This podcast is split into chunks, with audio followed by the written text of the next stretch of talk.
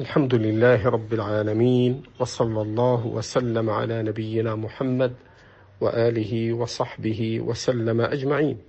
فقد ادعى بعض الناس في زمننا بأن ولي الأمر إذا لم يحكم الشريعة فليس له بيعه وهذا قول باطل وهو مسلك الخوارج في هذا الباب.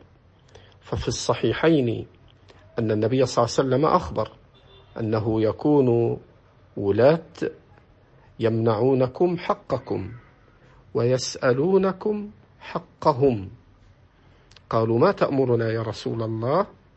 قال أدوا إليهم حقهم واسألوا الله الحق الذي لكم.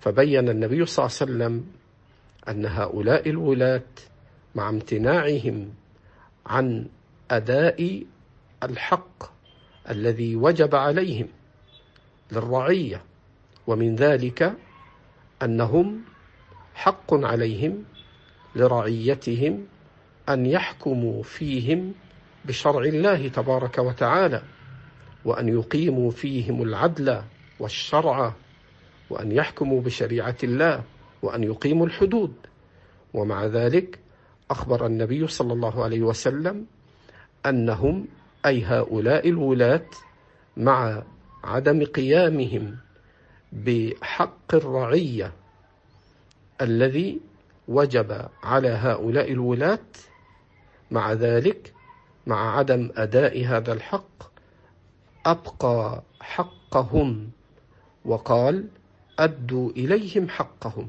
ومن حقهم السمع والطاعة في غير معصية والبيعة